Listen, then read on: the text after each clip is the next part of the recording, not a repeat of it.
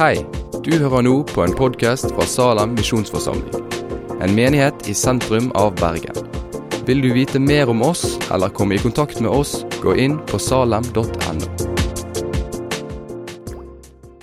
Eh, Som Bodil har eh, fått oss inn på, så er temaet denne søndagen eh, nestekjærlighet. Det å elske sin neste som seg sjøl, og barmhjertighet.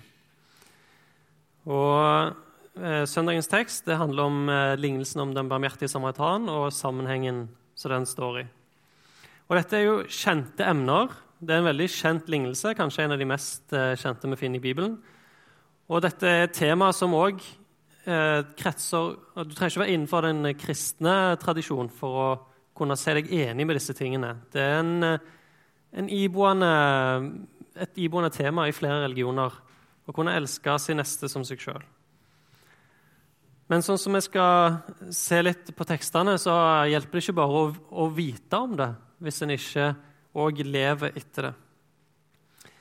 Eh, Så vi tar oss og leser søndagens tekst og reiser oss. Den står i eh, Lukas kapittel 10 og vers 25 til 37. I Jesu navn. Og se, en lovkyndig sto fram og fristet ham og sa, Mester, hva skal jeg gjøre for å arve evig liv? Han sa til ham, Hva står skrevet i loven, hvordan leser du? Han svarte og sa, Du skal elske Herren din Gud av hele ditt hjerte og hele din sjel og av all din kraft og av all din forstand, og din neste som deg selv. Da sa han til ham, Du svarte rett. Gjør dette, så skal du leve. Men han ville rettferdiggjøre seg selv og sa til Jesus, Og hvem er min neste? Jesus tok opp dette og sa, En mann gikk fra Jerusalem ned til Jeriko, og han falt blant røvere. De både kledde av ham og slo ham og gikk bort og lot ham ligge igjen halvdød. Nå traff det seg slik at en prest dro ned samme vei, og han så mannen og gikk forbi. Likeså kom en levitt til stedet og så ham og gikk forbi. Men en samaritan som var på reise, kom også dit mannen lå. Og da han så ham, fikk han inderlig medynk med ham. Han gikk bort til ham og forbandt sårene hans og helte olje og vin i dem. Og han løftet ham opp på sitt eget dyr og førte ham til et herberge og pleiet ham. Neste dag tok han fram to denarer, gav dem til verten og sa, Plei ham, og hva mer du måtte legge ut, det skal jeg betale deg igjen når jeg kommer tilbake. Hvem av disse tre synes du nå viste seg som en neste for han som var falt blant røvere? Han sa, Den som viste barmhjertighet mot ham. Da sa Jesus til ham, Gå du bort og gjør likeså. Vær så god. Eh, teksten her det handler om et, at Jesus møter mennesker. Han har hatt møte med en, eh, en lovkyndig. Og Vi finner flere plasser i Bibelen der, folk, der Jesus møter ulike mennesker. I teksten her så kommer det fram fra begynnelsen at den lovkyndige han har uærlige motiver. Han er ute etter å friste Jesus. Og Vi kjenner flere eksempler fra dette i Bibelen, der eh, spesielt de som er skriftlærde og jobber mye med Skriften, prøver å sette Jesus fast med vanskelige spørsmål, eller å spørre han ting som gjør at han, eh, at det, han svarer noe de kan ta han på seinere. Men de ulike møtene som, eh, som, Jesus har med folk, det viser oss at han er, en, han er en ekspert i å møte andre. Han er ekspert til å si det som de andre trenger å høre, enten det er det ene eller det andre. Ydmyke mennesker som vet med seg sjøl at de er syndere, og kommer til Jesus eh, og trenger nåde, de får nåde, de får tilgivelse. Mens hovmodige mennesker som kommer for å rettferdiggjøre seg sjøl, blir møtt med lov og med dom. I begge tilfellene så er Jesus barmhjertig. Han viser nestekjærlighet, men han viser dem det de trenger å høre. Og det de trenger å vite for å bli frelst. For Han vil jo at de skal bli frelst og komme til sannhetserkjennelse. Men det viser oss at det er ikke en sånn quick fix, det er ikke en one size fits all. Det er ikke en steg for steg framgangsmåte når det gjelder evangelisering. Uh, ulike mennesker og ulike behov blir møtt på ulike måter. Jeg, studerte på Fjellhaug i Oslo, og da var jeg med på gateevangelisering. Det gikk vi ut på Karl Johan eh, lørdagskveld, og så delte vi ut gratis kaffe til folk. Eh, og når du blir tilbudt gratis av noen i Norge, så er du jo umiddelbart skeptisk. Så spørsmålet vi fikk, var hvorfor gjør dere dette her? Nå kan vi si at nei, vi kristne vil komme i kontakt med folk og snakke med de som vil det. Og Noen takket for kaffen og gikk videre, mens andre ble igjen og snakket i 5-10-15 minutter. og Noen sto både én og to timer. Og andre kom til og med tilbake og ville snakke mer eh, en annen uke. Men her så var poenget at når vi snakket med disse menneskene, så hadde de ulike erfaringer, ulike tanker. De var på ulike plasser i livet. Du kunne ikke, Selv om det fins oppskrifter for hvordan du skal gå fram, så funker det ikke. Du kan ikke bare si det samme til alle mennesker. Du må møte dem på ulike måter. Noen var veldig klar over sin egen synd og trengte gjerne å høre noen fortelle dem om tilgivelsen i Jesus Kristus. Mens andre de eh, hadde så ikke behov for en frelser. De syntes jo at de var sjøl eh, helt gode nok mennesker. De har aldri gjort noe sånn alvorlig vondt i livet. Og Det er de siste samtalene her som jeg syns er de vanskeligste. For, eh, hvordan, for det å forsyne evangeliet til noen som trenger å høre det, det er jo, det er jo en glede. Det er ofte ikke så veldig vanskelig. Men hvordan skal du forkynne loven til noen som trenger å høre den, uten å virke dømmende eller hovmodig eller hyklersk? Det er ikke alltid så veldig lett. Men teksten vår er veldig, et veldig godt eksempel på akkurat det. Jesus møter en person som trenger å høre loven, med loven. Men han gjør det på en, en kjærlig måte, og på en måte som gjør at personen innser sin egen synd, ikke at han blir sint på Jesus.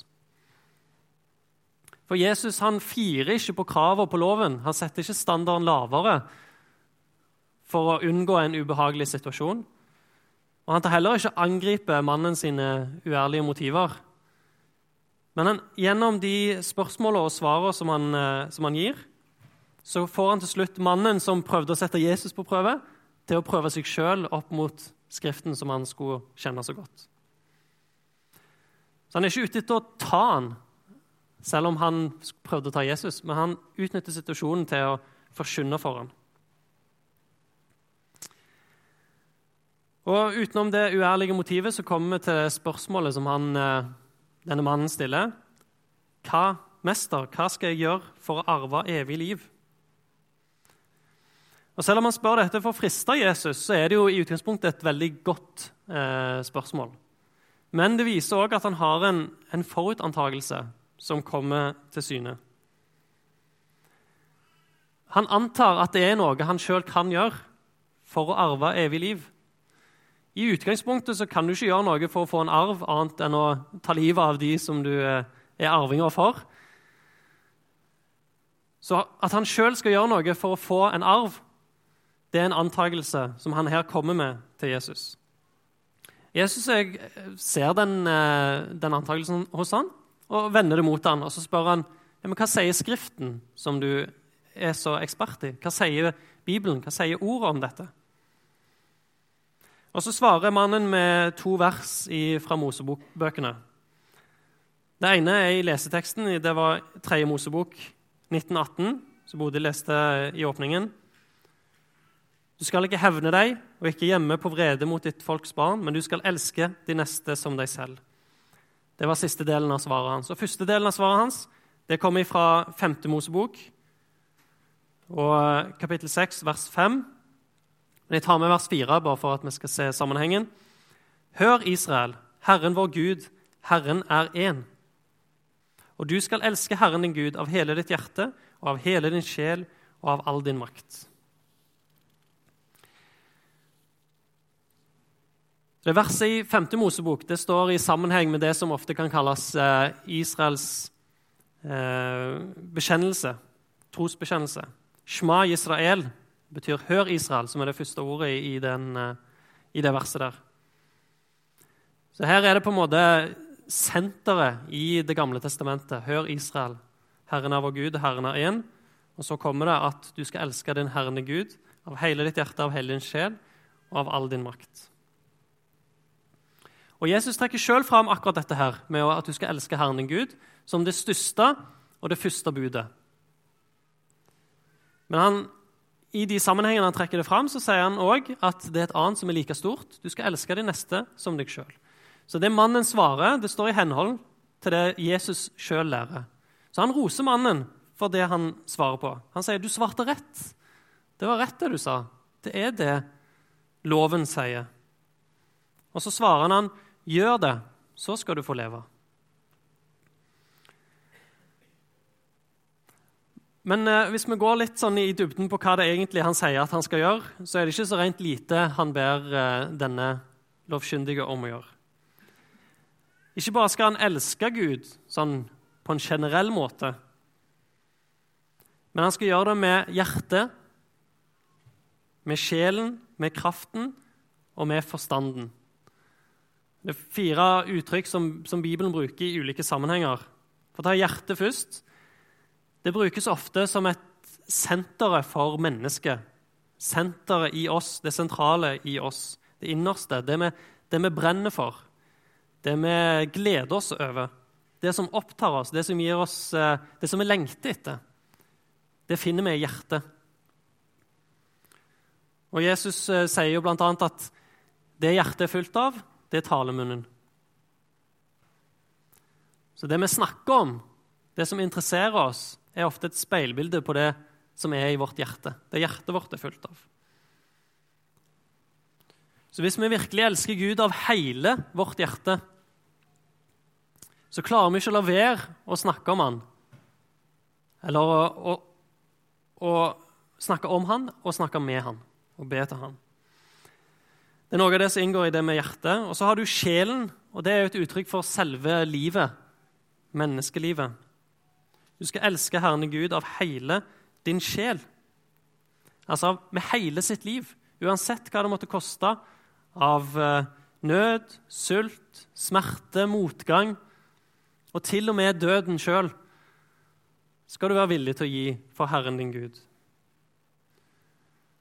Og med all din kraft, med alt han makter å gjøre, alt som du klarer å gjøre, alle dine evner, all din styrke, skal du elske Herren din Gud med. Og til slutt så skal han elske han òg med sin forstand, med sine tanker, med sitt intellekt. Det skal være retta mot Gud, det skal være til behag for Gud. Alle tanker skal være som Guds tanker. Vi skal aldri tenke noe urett eller ureint eller usant. Men alle mine tanker skal alltid elske Gud. Og ikke nok med det, at han skal elske Gud på denne fullstendige måten, men han skal òg elske sin neste som seg sjøl.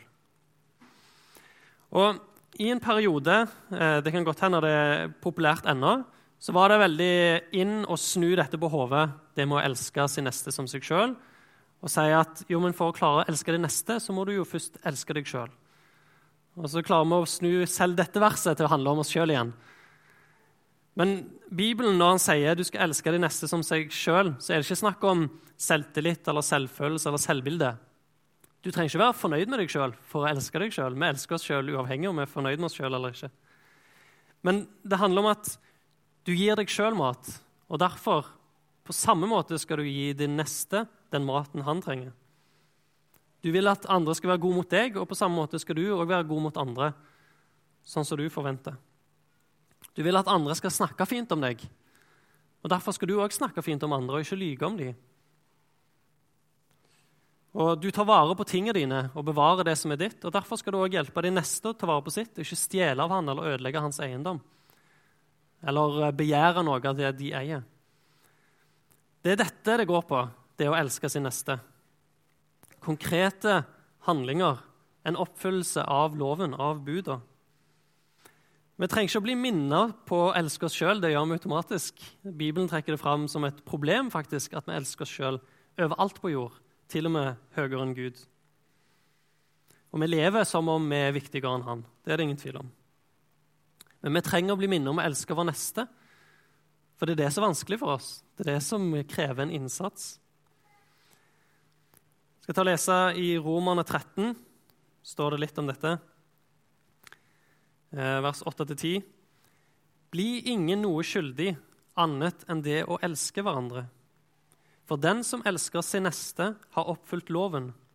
For disse bud du skal ikke drive hor, du skal ikke slå i hjel, du skal ikke stjele, du skal ikke begjære, og hvilket som helst annet bud, de sammenfattes i dette ord du skal elske de neste som deg selv.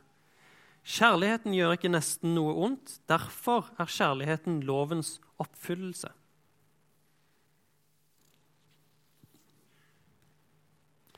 Så nå har denne lovkyndige med egne ord eh, sagt hva han må gjøre for å arve evig liv. Elske Herren sin Gud og elske sin neste som seg sjøl. Og det er ganske åpenbart at dette er noe han ikke har klart å leve opp til. Eh, og det er det poenget Jesus òg vil ha fram til denne mannen. Men det kan virke som han sjøl tror at han har en sjanse, i hvert fall for det første punktet, å elske Herren din Gud, den ser han ikke ut til å henge seg opp i.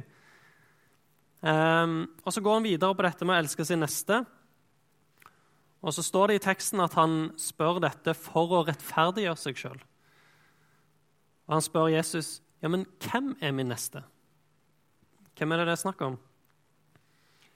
Og Hensikten her er det å snevre inn hvem den neste handler om. Hvis det er kun kona, så er det kanskje lett.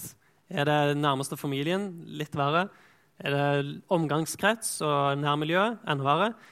Han vil helst ha det så snevert som mulig, sånn at det kan være et krav som er, som er uh, mulig å oppfylle. Um, men Jesus uh, uh, Jesus snevrer ikke inn på loven. Han gjør det ikke lettere for ham. Men han viser gjennom en lignelse hvem den rettferdige er.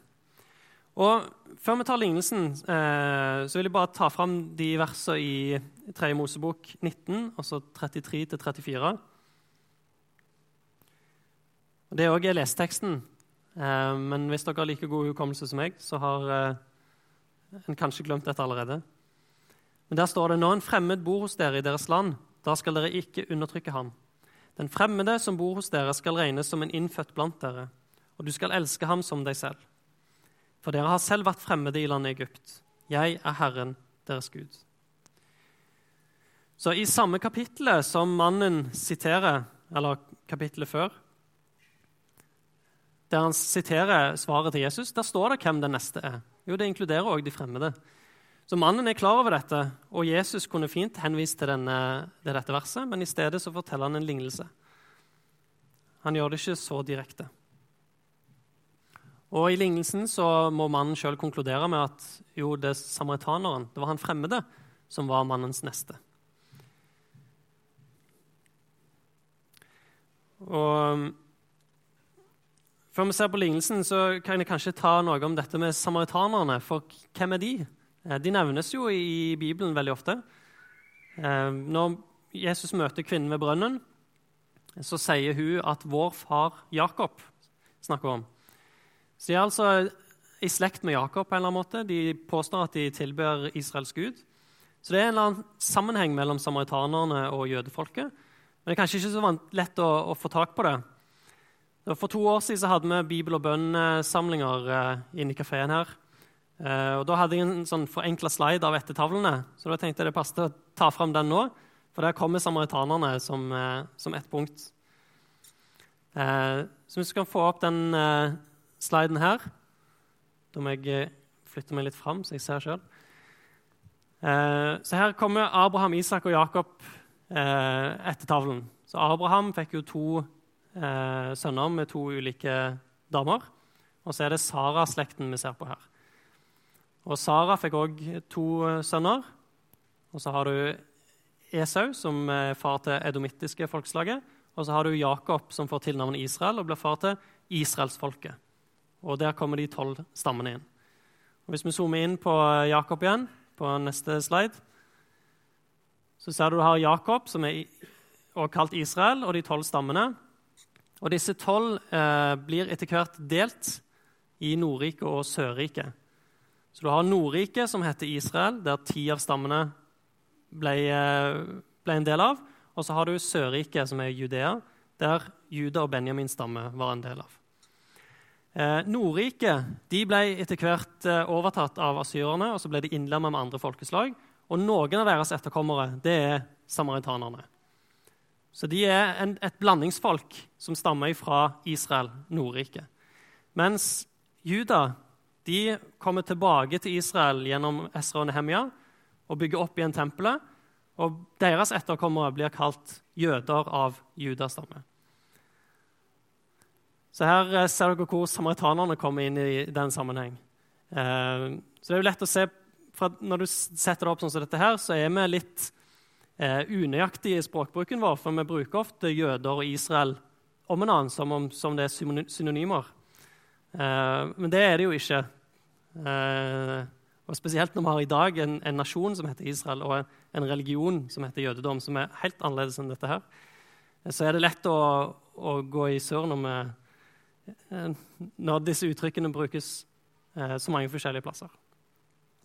Men der kommer iallfall samaritanerne inn. Så Det var en liten eh, digresjon om de. Men Jesus får iallfall fram gjennom eh, lignelsen at den fremmede samaritaneren, som i utgangspunktet jødene så på som de som hadde gått vekk fra Gud, ikke hørt på hans ord lenger, det var han òg en del av hans neste. Og så legger Jesus til på slutten 'Gå du bort og gjør likeså'. Det er konklusjonen hans. Og Det er en måte for Jesus å si du har ikke gjort dette, du har ikke elska de neste. Iallfall ikke når jeg, når jeg øker det neste begrepet til å inneholde òg samaritanske folkeslaget. Og alle mennesker, for så vidt. Og fordi du ikke elsker de neste, så har du heller ikke elska Gud. Du har ikke holdt loven. Og Så ender det da med at han som prøvde å sette Jesus på prøve, sjøl blir arrestert av den loven som han forkynte. Men så kan jeg spørre seg, hvorfor forteller egentlig Jesus dette i en lignelse? Hvorfor sier han ikke bare rett ut? Hvorfor siterer han ikke verset fra Moseboken der det står at du skal elske den fremmede som deg selv? Det er mye lettere å, å si det konkret. Hvorfor sier han ikke bare 'alle mennesker er de neste'? Det er mye fortere gjort, det. Vi tenker ofte at Jesus bruker lignelser for å gjøre ting tydeligere og lettere å forstå. Men Jesus sier det motsatte til, til disiplene. Han sier at han snakker lignelser for å gjøre det vanskeligere å forstå. For å skjule budskapet, at det må bli åpenbart. Han eh, nevner dette her bl.a. i Matteus 13, og dette I etterkant av uh, såmannslignelsen så spør disiplene uh, Så sier de i 1310 Disiplene kom da til ham og sa, 'Hvorfor taler du til dem i lignelser?' Han svarte dem og sa, 'Fordi dere er det gitt å få kjenne himmelens, himmel, himmelens rikes hemmeligheter.' Men dem er det ikke gitt. Derfor taler jeg til dem i lignelser, for de ser, og likevel ser de ikke. De hører, og likevel hører de ikke og forstår ikke. Klager. Så Jesus taler altså i lignelser for å skjule budskapet. For at folk skulle forstå at folk ikke skulle forstå uten at det var gitt dem å forstå, som med disiplene. Paulus bruker et uttrykk eh, 'skatt i leirkar'. Altså at det er noe dyrebart som er skjult Eh, bak noe som virker trivielt og, og, vanlig og billig eller enkelt. Og Hvis vi ser på versene før søndagens tekst, eh, i Lukas 10, 23 og 24, så ser vi at det er nettopp dette som er innledningen til denne fortellingen.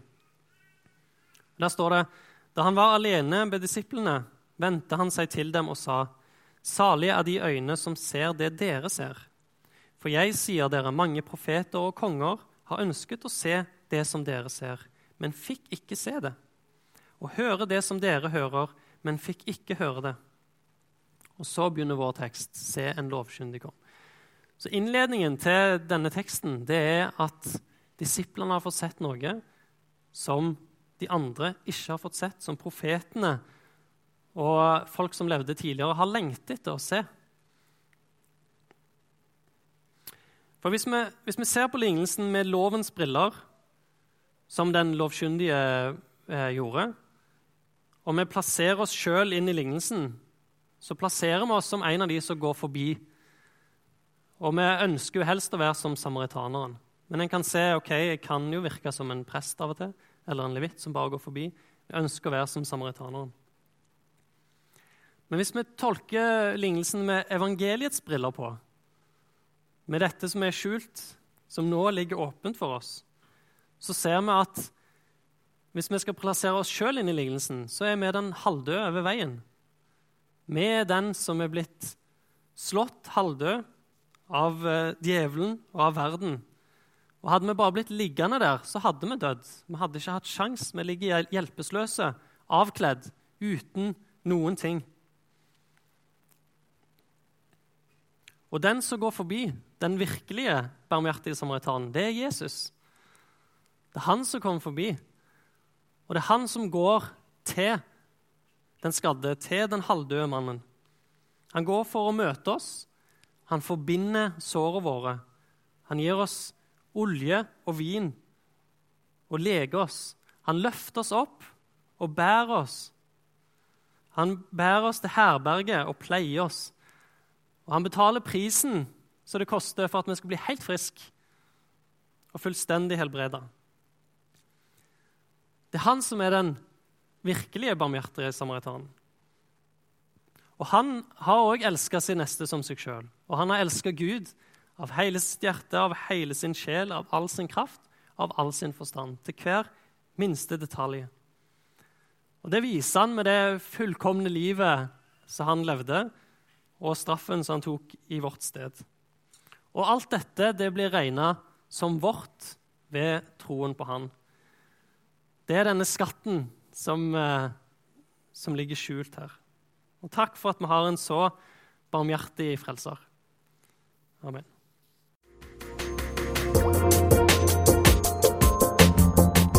Takk for at du har hørt på podkasten fra Salem, Bergen. I Salem vil vi vokse i et stadig dypere fellesskap med Gud og med hverandre. Vi vil være Jesu hender og føtter, og vi vil være med å forkynne frelse for Bergen og resten av verden. Besøk oss gjerne på salem.no om du vil vite mer.